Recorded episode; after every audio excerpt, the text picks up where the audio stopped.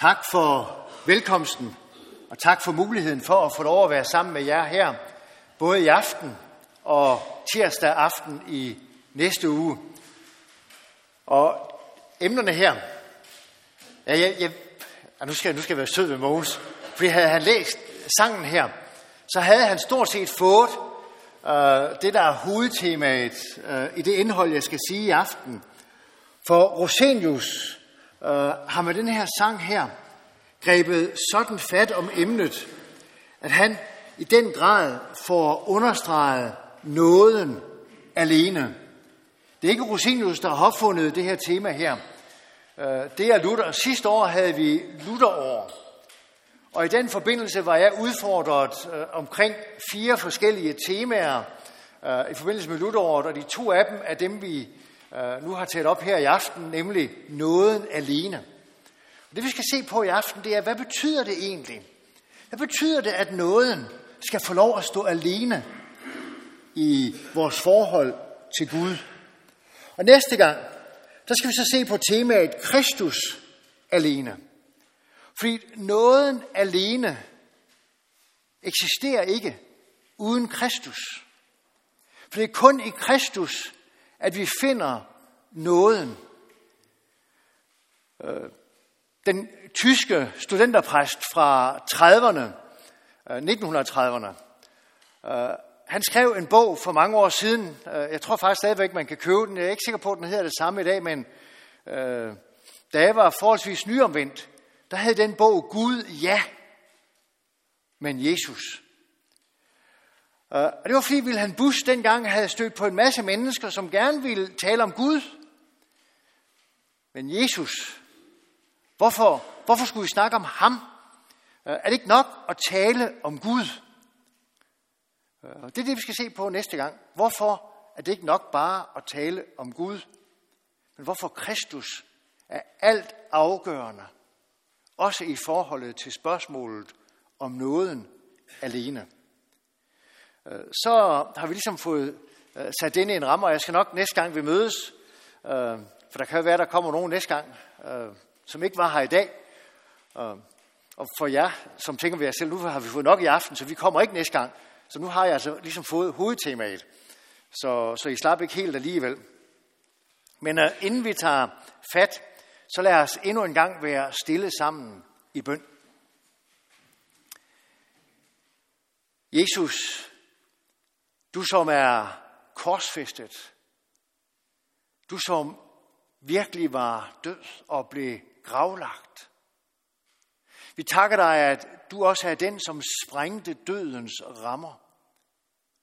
Og du midt ind i denne verden, som er mærket af synden og døden, har bragt os et budskab fra tidernes morgen.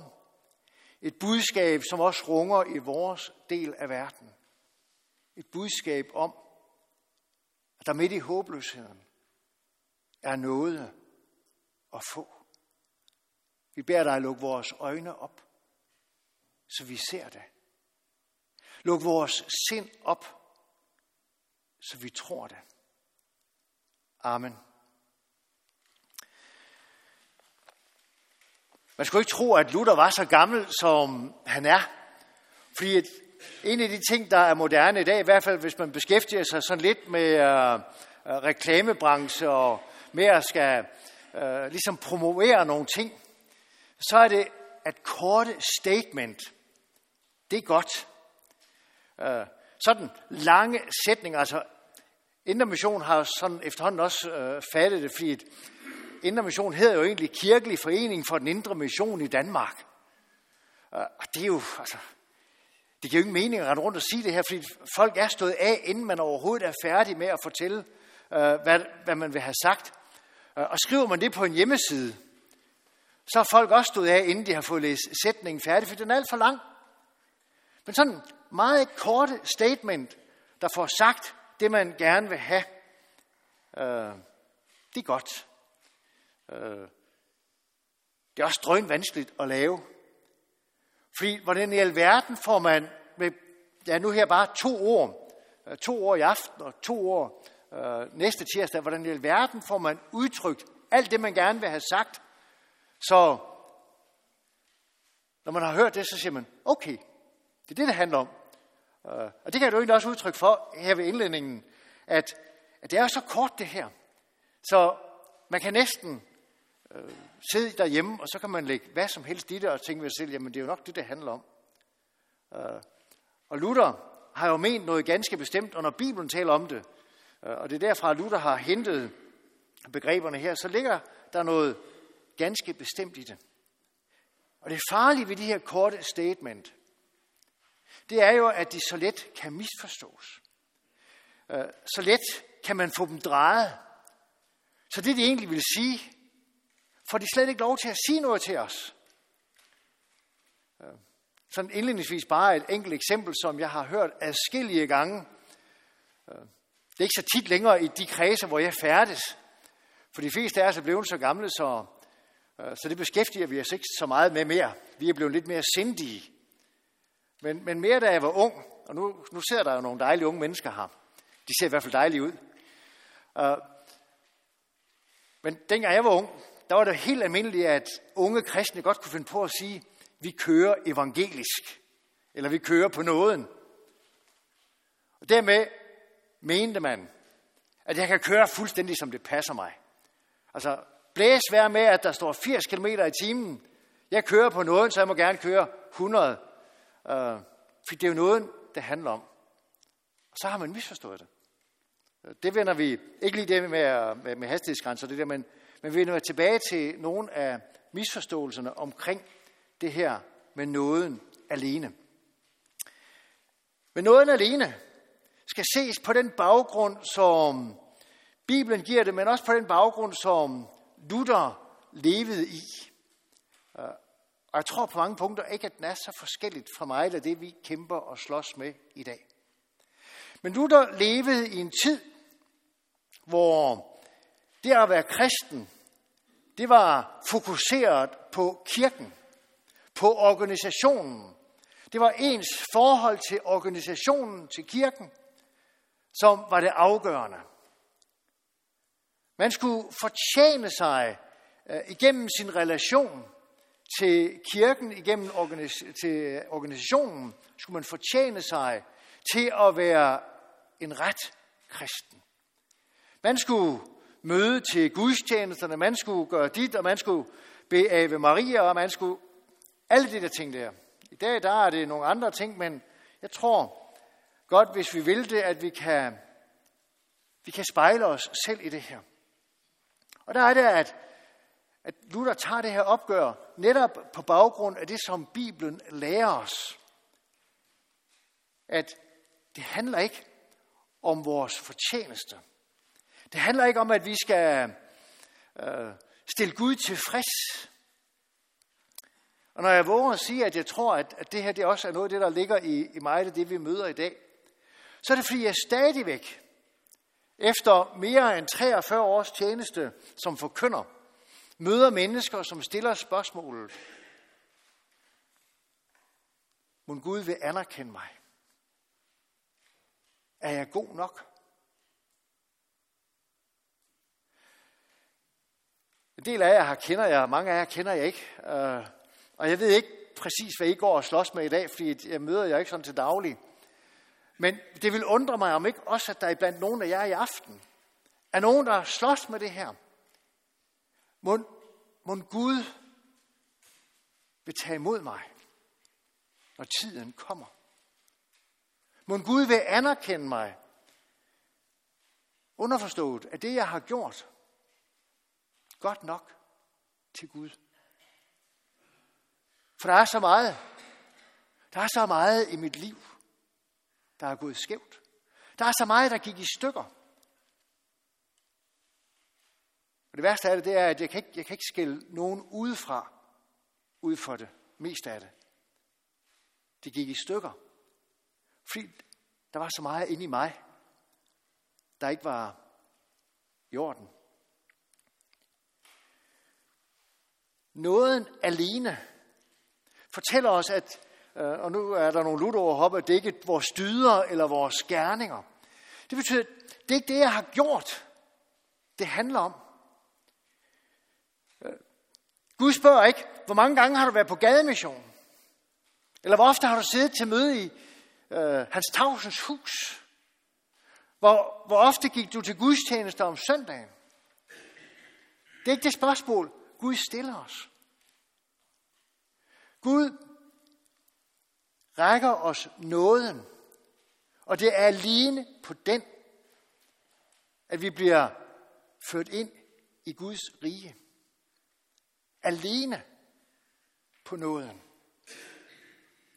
Det betyder, at alt, hvad vi har i hænderne, at ting, vi tænker ved os selv, det her, det må Gud da være glad ved.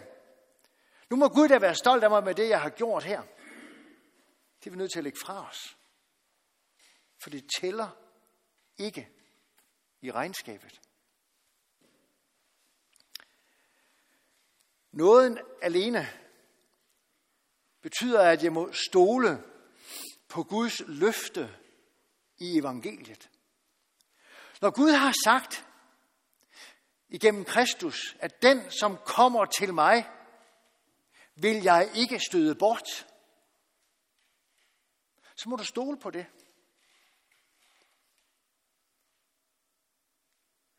Og så mistvivler du om ham, hvis du tænker ved dig selv, kan vide, når nu kommer til ham.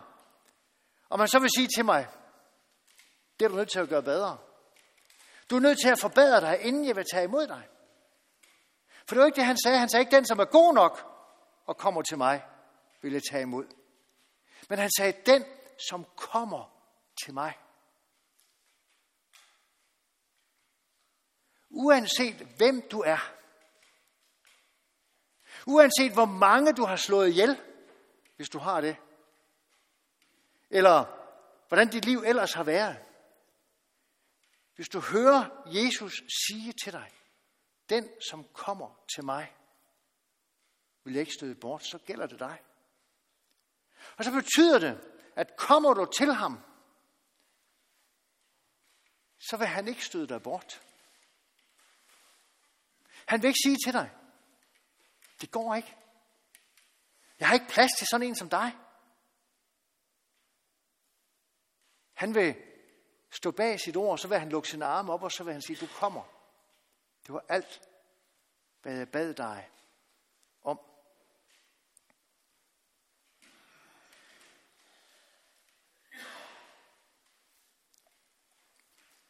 Men så er der problemerne her ved, ved netop ved den lutherske lære øh, og ved de her korte statement.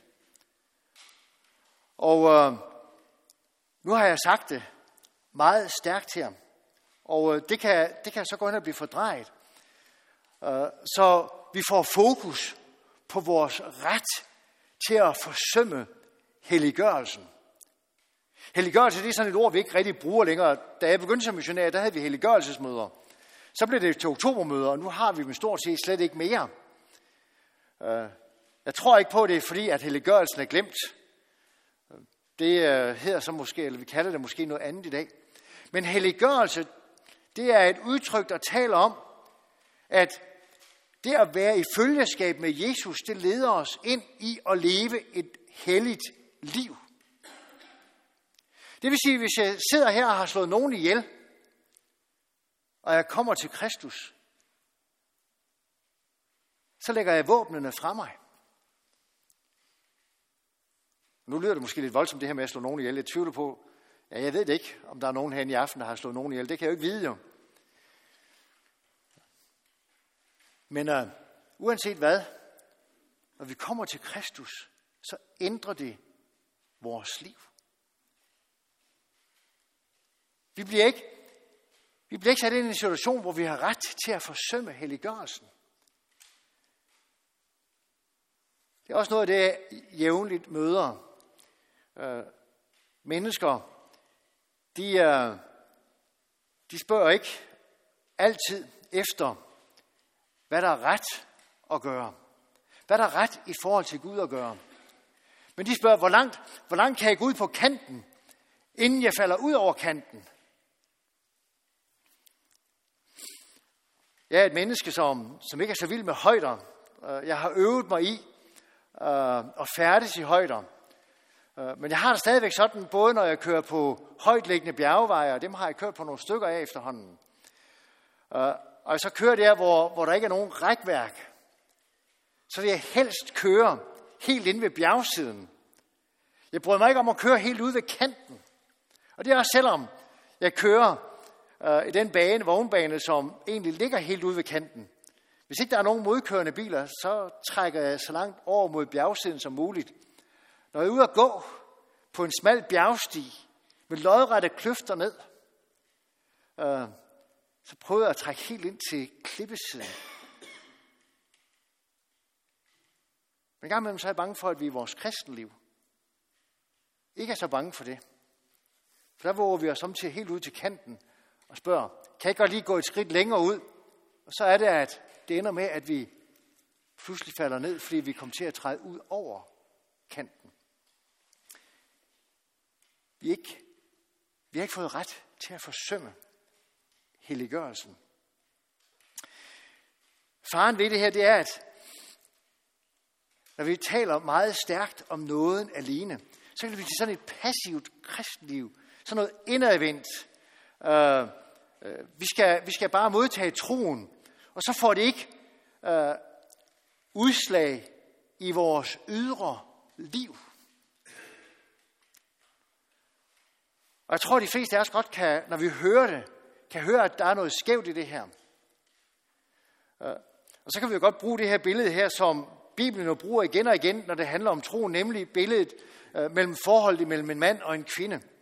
Hvis nu en ung mand bliver forelsket i en ung kvinde, øh, og han så siger til hende, jeg elsker dig,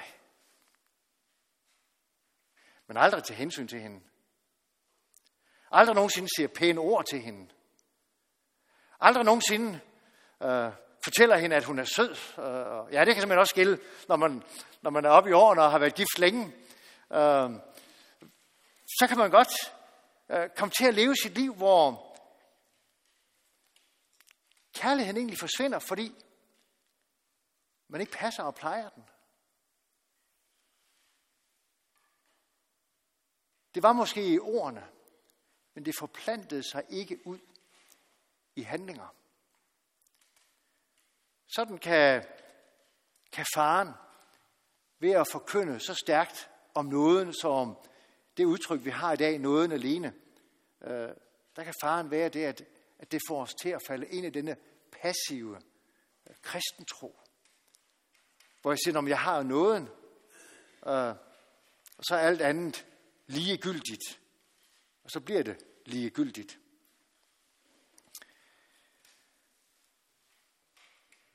Nåden alene bliver i den grad understreget af de to sakramenter, nemlig dåben og nadvaren. Da jeg var ny kristen, kæmpede specielt rigtig, rigtig meget omkring det her med dåben. Jeg er døbt som, som barn. Øh, jeg husker det ikke. Voksede op i et hjem, hvor det her med at gå i kirke, det ikke var hverdagskost. Jeg plejer gerne at sige, at vi øh, gik ikke regelmæssigt i kirke, for det var ikke hvert år til jul, vi kom afsted. Øh, havde vi dog bare gjort det, så havde vi gået regelmæssigt i kirke en gang om året. Det er jo regelmæssigt. Men det var det altså ikke. Og øh, et forhold til Jesus øh, havde jeg ikke før jeg møder ham som 17-årig. Så var der nogle venlige mennesker, der kom og fortalte mig, at når mit liv havde været, som det var indtil nu, så var jeg nødt til at skulle lade mig døbe. Men jeg var jo døbt. Men galt den dåb? Øh, var det ikke bedre, at jeg traf beslutningen, og så lod mig kaste ind under dåbens vand på ny, fordi så havde jeg dog ved min handling bevist, at jeg ville det her. Der gik over, hvor jeg kæmpede med det her. Indtil det gik op for mig, at Gud i den grad havde proklameret nåden i mit liv, i den dåb, han havde udført i mit liv. For længe før jeg overhovedet overvejer noget som helst med Jesus, længe før jeg overvejer noget som helst omkring et helligt liv eller et syndigt liv, der har Gud kommet til mig og sagt, Jørgen, jeg vil dig. Jeg proklamerer for dig, at når du kommer til mig, så vil jeg tage imod dig. Og pludselig gik det op for mig, at da Jesus mødte mig som 17-årig, var det det, han kom og stod fast ved og sagde, jeg mener det, Jørgen. Det er det, jeg vil i dit liv.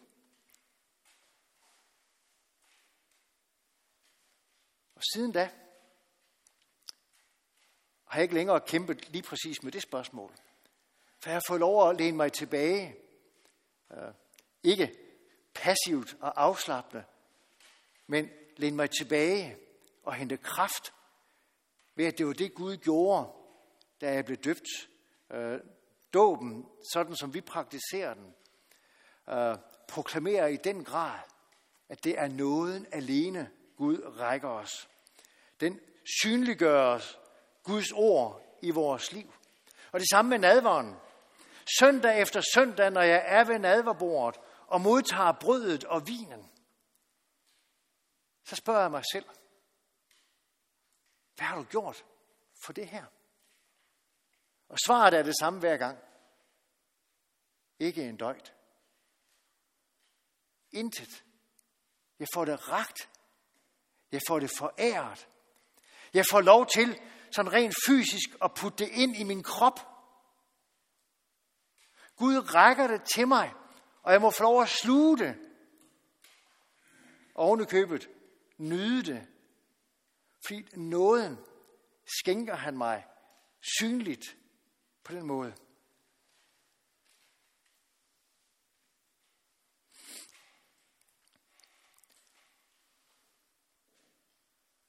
Sakramenterne, det er aktiviteter, som Helligånden bruger til at styrke, til at styrke os og til at gøre vores forhold til Kristus ægte.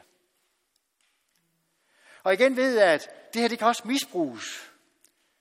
For jeg har også mødt de mennesker, som tænker ved sig selv, når jeg mig så, altså, nu har jeg været til alders, så har jeg fået syndsforladelse for den forgangne uge, og så kan jeg godt leve videre den uge her. Fordi jeg kommer til alders igen på næste søndag, så kan jeg godt samle sammen, og så har jeg lidt, jeg kan få hældt af. Altså lidt ligesom skraldespanden derhjemme under køkkenbordet. Øh, nu bor vi på tredje sal uden elevator, øh, så jeg tænker tit på den skraldespand. Øh, fordi den bliver fyldt. Øh, og så med jævne mellemrum, så er jeg nødt til at tage den. Og så må jeg ned og aflevere den. Og når jeg har været nede med den, så tænker jeg mig selv, åh, nu går der et par dage, inden jeg skal have ned igen. Men sådan er det ikke med en advaren. Det er ikke sådan, at jeg kan så fylde spanden op i løbet af ugen og tænke ved mig selv, nu kan jeg gå til, til nadver, og, og så kan jeg få hældt min spand ud, og så går der et par dage, inden jeg skal det bøvl igen. Tværtimod så minder dem om, at jeg konstant har brug for øh, at få den her bekræftelse fra Gud. Jamen, jeg mener det stadigvæk, Jørgen. Og Gud giver mig det øh, så synligt i nadvaren. Hvad gemmer, hvad gemmer ordet egentlig? Øh, tre ting skal vi se på nu her. Vi skal se på nåden siden syndefaldet. Der er nogen, der har den øh, forlagtige tro, at nåden først kom ind i verden øh, for 2000 år siden. Men vi skal prøve at se, hvordan Gud proklamerer nåden helt tilbage øh, til syndefaldets dage, altså helt tilbage til begyndelsen. Så skal vi se på nådens forudsætning. Øh, for nåden har en forudsætning. Den forudsætter noget af os. Og øh, skal lige se her, jeg synes, jeg glemte en. Nej, det var, det var alle tre, ja. Hvad gemmer ordet noget? Øh, vi modtager ganske enkelt noget uden modydelse. Jamen, det er ikke så tit længere, fordi nu har folk mobiltelefoner, men, men før vi fik mobiltelefoner, der stoppede jeg ofte i vejkanten, når der holdt en bil ind til siden. Fordi jeg tænkte mig selv, her er der nogen, der har brug for assistance. Øh, og jeg har, jeg har hjulpet med at skifte hjul, og jeg har øh, hjulpet med at få øh, folk kørt hen til en telefon, så de kunne få ringet efter hjælp. Og, uh, på den måde har jeg gjort, gjort det ofte. Når jeg har gjort det, så oplevede jeg gang på gang, så var der nogen, så ville de gerne aflevere en flaske rødvin eller, eller noget andet. Gør et eller andet til gengæld for det, jeg havde gjort. Og det, det, var, det var nærmest totalt umuligt at fortælle folk, jamen, men det her, det gør jeg altså ikke for at få noget. Jeg gør det simpelthen, fordi det vil jeg gerne. Øh, jeg kan ikke køre forbi og se nogle mennesker, der har brug for assistance uden at stoppe. Også selvom ikke jeg har en pind forstand på at reparere biler. Øh, så det mindste, jeg kan gøre, det er da, i hvert fald jeg kan lade som om, jeg kunne hjælpe med et eller andet. Øh, og det skal jeg ikke have noget for. Jeg ved ikke, om du kender det der med, at når nogen har hjulpet dig, så synes du bestemt, at du skal betale tilbage. Nåden modtager vi uden modydelse. Der bliver ikke bedt om, at du skal aflevere noget tilbage. Du får den helt frit og kvit. Der er ingen, der er ingen krav sat op, at nu, nu skal du så også gøre det her til gengæld. Sådan er det ellers i denne her verden her, at vi skal yde noget for at modtage noget. Som barn, jeg voksede op i et arbejde hjem, og det var noget det, jeg lærte. Du må yde, for at du kan nyde. Det var en af min fars gentagende ord. Der er sikkert nogen af jer, der har hørt jeres forældre, fordi det hænger ved øh, ved os øh, mennesker, at det vi lærte som børn, det, øh, det banker vi vores børn oven i hovedet med, og øh, så tænker vi selv, det skal de ikke gøre, og så ender det med, at når de får børn, så gør de nøjagtigt det samme igen. Sådan, sådan kører det ikke også. Altså, sådan er det ikke i Guds rige. Der skal du ikke yde, for du kan nyde. Her får du nydelsen uden modydelse. Noget, det er sagt ganske enkelt sådan her, det er, når du ikke, og nu skal jeg lige se om den, når, når Gud øh, giver os det, vi ikke fortjener. Noget er, når Gud giver os det, vi ikke fortjener. Jeg ved ikke, om nogen af jer her i påsken, med det her fantastiske vejr, har siddet udenfor ved bordet i haven, og så tænk den tanke her. Hvad har vi dog gjort, siden vi har det så godt? Godt være, jeg ikke har gjort det i post, men jeg er overbevist om, at en del af jer har tænkt den tanke med jævn mellemrum. Hvad har vi dog gjort, siden vi har det så godt? Jeg har gjort mig det til en vane, når jeg hører nogen sige det. Du har intet gjort. Det der, at du har det så godt, som du har det lige nu, det er 100% ufortjent. For det er noget. Det er, når Gud giver os det, vi ikke har fortjent. Og vi har ikke fortjent at have det godt.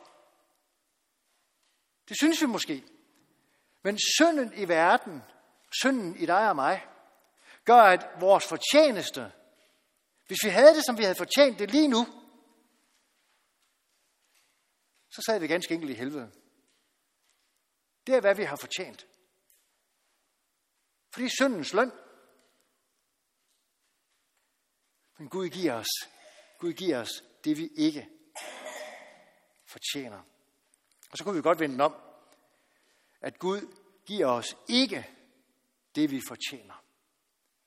Gud giver os ikke det, vi fortjener.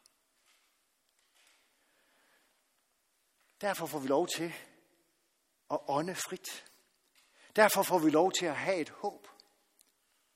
Et håb, som ikke er baseret på skrøbeligheder, men som er baseret på de løfter, Gud har givet os i Kristus. Hvordan er det så med nåden siden syndefaldet? Og hvis du sidder og tænker på det selv, nu står han med Bibelen, og han har overhovedet ikke brugt den i aften. Så er det fordi, der er et væld af skriftet, at vi kunne hæve frem. Men her kommer vi til noget, hvor vi er nødt til at, øh, at skal have fat og se, hvad er det, der står her. Øh, I Bibelen, i syndefaldsberetningen, ja, længe før syndefaldsberetningen, får vi beskrevet, at hvis Adam og Eva syndede, hvis de plukkede af frugten af kundskabens træ, så skulle de dø.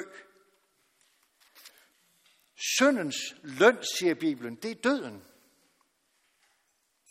Den evige død. Den fysiske død. Den totale død.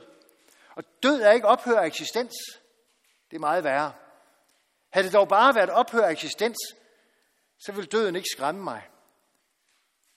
For jeg havde egentlig ikke noget imod at høre op med at eksistere. Men at være evigt død i en evig eksistens, det skræmmer mig. Syndens løn er død, kan vi læse i de første kapitler i øh, Mosebøgerne. Og så melder spørgsmålet sig jo. Da Adam og Eva alligevel spiste af frugten på kundskabens træ. Og glem det, det var ikke et æble. Jeg aner ikke, hvordan den frugt så ud. Men et æble var det ikke. For så havde det været kaldt et æbletræ. Det var kundskabens frugt. Det er noget andet. Der kommer en dag, hvor vi får lov at se, hvad det er for en frugt. Øh, og det bliver spændende. Jeg glæder mig til at se den. Jeg tror, den smager godt. Det gjorde den i hvert fald i Adam og Evas mund, indtil de havde sunket den. Men døde de? Døde Adam og Eva? Nogen vil sige, ja, det gjorde de, for de mistede forbindelsen med Gud. De mistede ikke forbindelsen med Gud, men de blev smidt ud af paradis. Men Gud slap dem ikke. De døde ikke. Passer det så ikke, hvad Gud siger? Gud viste dem noget. Gud viste dem noget. Derfor fik de lov at leve. Han viste dem, dem også noget, så de fik ikke lov at spise af livets træ, for så ville de for evigt være forblevet syndere. Men hvordan viser Gud dem noget? I øh, 1. Mosebog kapitel 3, der kan vi læse i øh, vers, øh, vers, vi læser fra vers 20 af, Adam gav sin øh, kvinde navnet Eva, for hun blev mor til alle mennesker.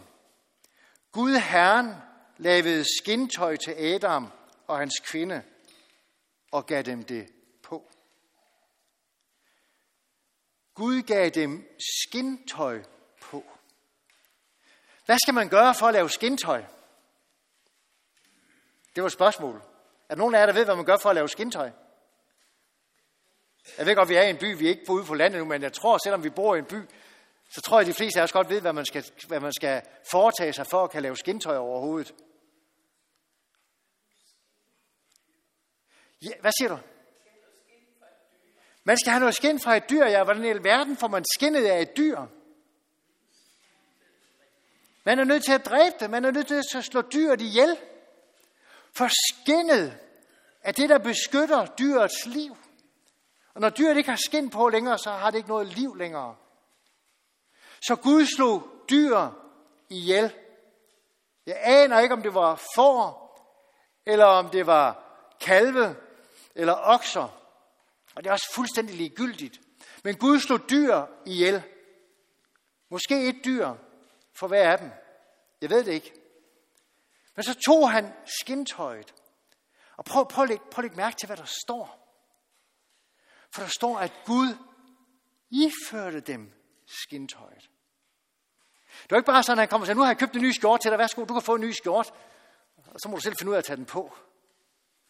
Han behandlede Adam og Eva, som vi behandler små børn. Jeg har i hvert fald givet alle mine fire børn tøj på. De kunne ikke selv. Jeg tror, Adam og Eva var voksne, og alligevel så ifører Gud dem tøjet. Han gav dem en andens liv og gemme sig bag. Det er det første vidnesbyrd i skriften, vi får om Jesus. At Jesus skulle blive vores gemmested. Prøv at tænke på det næste gang, du, når du læser Paulus' breve og hører, at Paulus siger, ifører jer Kristus. Eller I som blev iført Kristus. Hver eneste gang han bruger udtrykket i Kristus, så er det det her billede her, som gentager sig blot langt stærkere, for her var det ikke et dyr. For dyrene kunne ikke holde Adam og Eva i live for altid. Men Kristus kan holde os i live for evigt. Gud viste noget.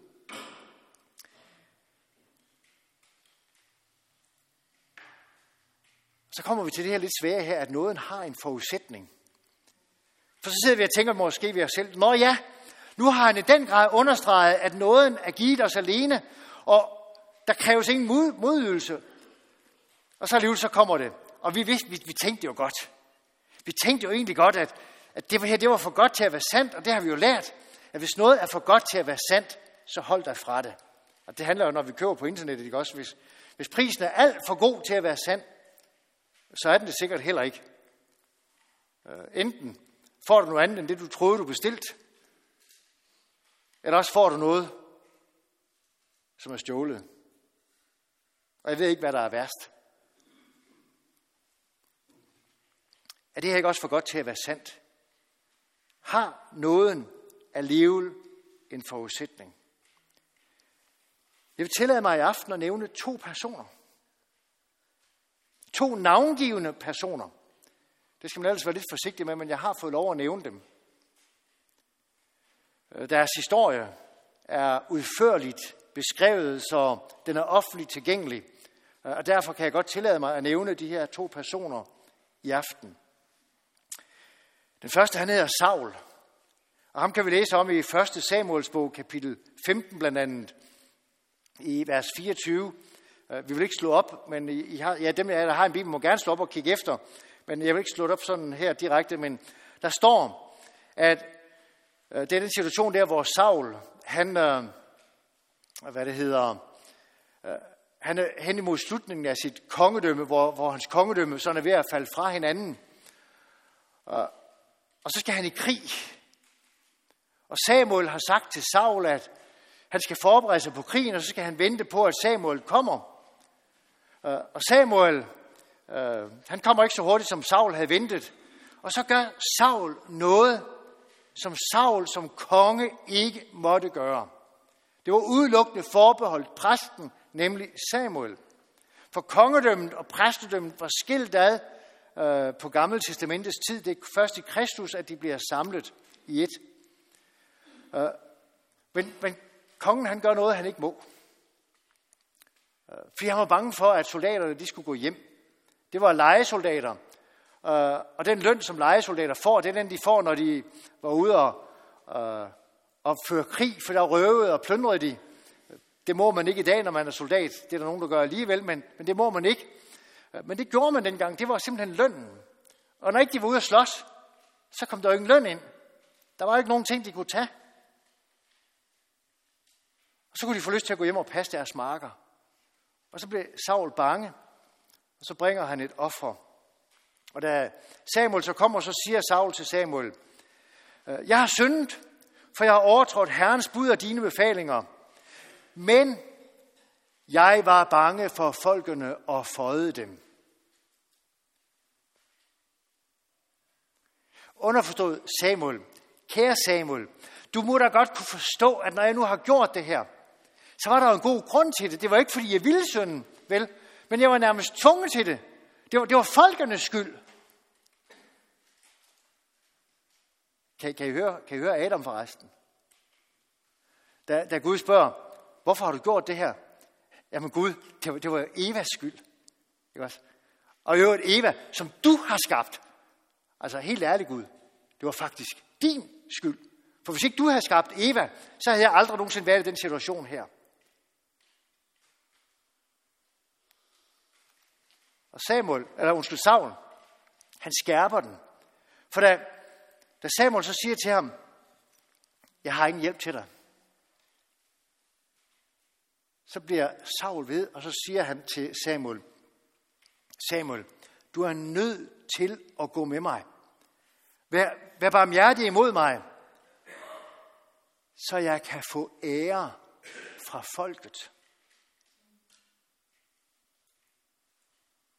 Og tilbede din, din Gud, Samuel.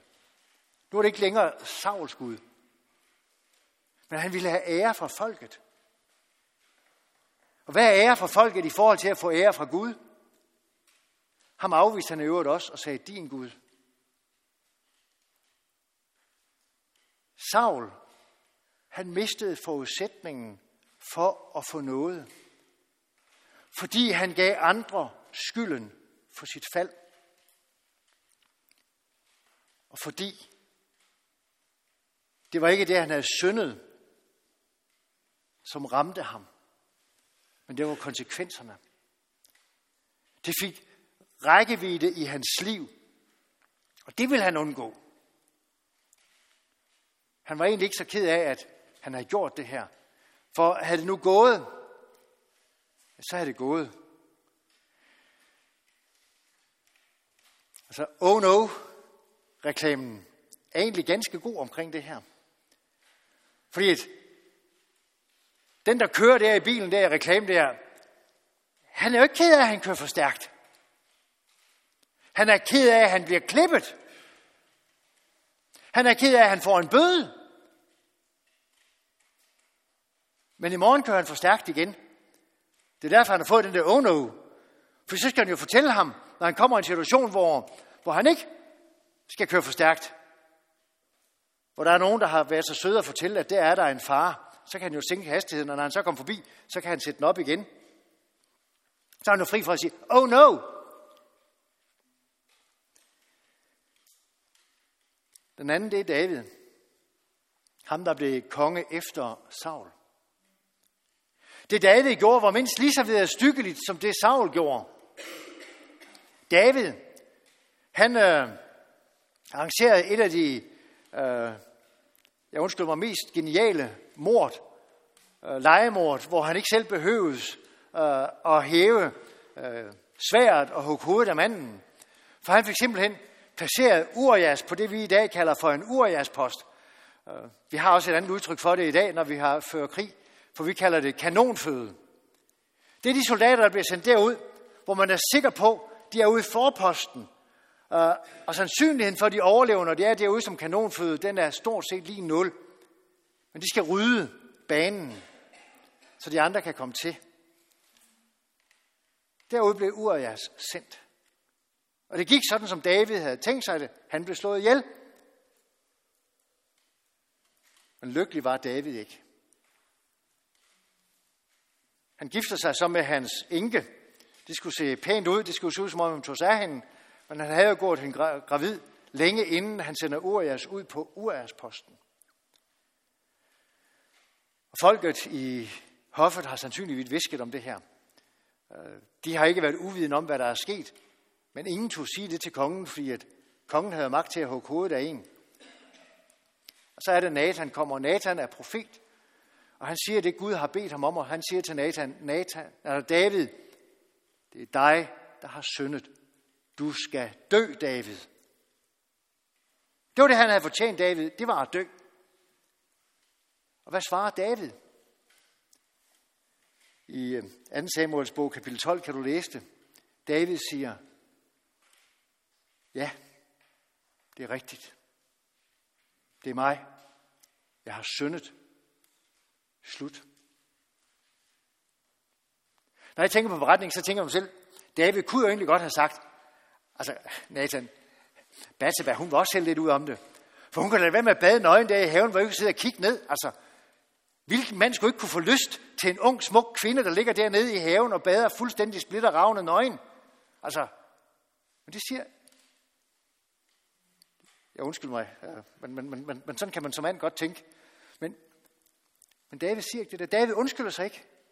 Det er min skyld alene. Og ja, jeg fortjener at dø for det her. Og læg så mærke til, hvad Gud gør. Så siger Gud, der er du tilgivet. Der er du tilgivet. Sønden skal ikke ramme dig. Det er forudsætningen. At du erkender, at du er skyldig. At du erkender, at du fortjener evig fortabelse. Uden undskyldninger. Det er ikke engang dine forældre, som er årsag til, at du fortjener det. Og heller ikke dine børn. Det er udelukkende mig, der er årsag til det. er du tilgivet. Du skal ikke dø så sker der det forfærdelige i Davids liv, at hans søn mister livet. Han bliver syg. Den søn, han har fået med Batseba, bliver syg og ligger for døden. Og mens sønnen er dødssyg,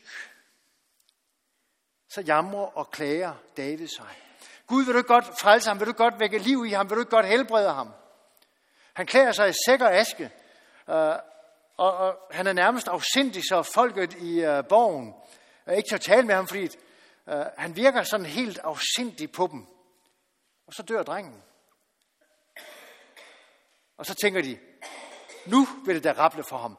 Var han afsindig, da barnet var syg, så vil han gå fuldstændig græsat, nu barnet er død. Og hvad gør David så?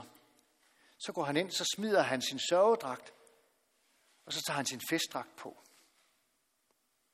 Og de spørger ham, hvorfor gør du det, David? Jo, siger David, det gør jeg. For så længe drengen levede, var der noget at kæmpe for. Jeg kæmpede for ham, ikke for mig selv. Nu er han død.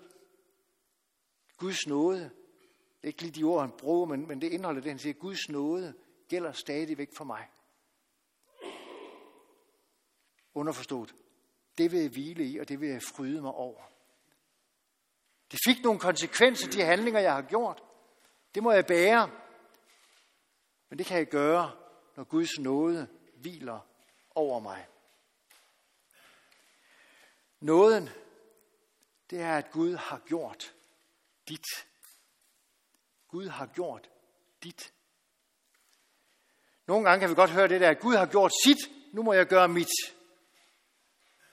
Men det er falsk. Gud har gjort sit, ja, men han har også gjort dit. Alt det, du var skyldig at gøre. Alt det, som du skylder Gud, skylder andre mennesker, det har Gud gjort i Kristus. Og det skænker han dig. Det er nåden. Nåden er, at han har gjort dit.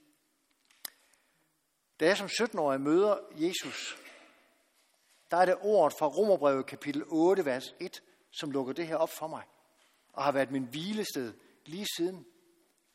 For der står der, så er der da nu ingen fordømmelse for dem, som er i Kristus Jesus. Og så tror jeg nok, jeg kommer til at citere det fra den gamle oversættelse. Det må I leve med. Øh, for det var den, der eksisterede dengang. Men så er der da nu ingen fordømmelse for dem, som er i Kristus Jesus. Det vil sige, jeg kan få lov at stille mig foran Guds ansigt. Jeg kan få lov at løfte mit hoved op imod ham. Og vide, at Gud ikke fordømmer mig. Men Gud siger, Jørgen, jeg elsker dig. Du er mit barn. Og så kommer der to spørgsmål herop, som vi kan tage med hen under kaffebordet og øh, bruge sådan, som vi vil. I kan også tage dem med hjem. Øh, men hvad betyder noget for dig i din hverdag i kampen for at leve helligt? Øh, og den sidste, øh, den synes jeg, I skulle benytte jer under kaffen. Fortæl hinanden om, hvordan noget blev stor for dig første gang. Det kan også være, at nogen af jer har lyst til at dele det her med os efter kaffen. Hvordan blev nåden stor for dig første gang? Lad os bede sammen. Jesus, du kender os. Du ved, hvem vi er. Du ved alt det, der fylder ind i os. Du ved alt det, der bor ind i os. Du ved også alt det, som i vores liv gør, at vi sommetider tænker, der er ikke plads til mig. Stil dig foran os igen, Jesus. Vi har brug for dig. Og fortæl os, at ingen, som kommer til dig, vil du støde bort. Amen.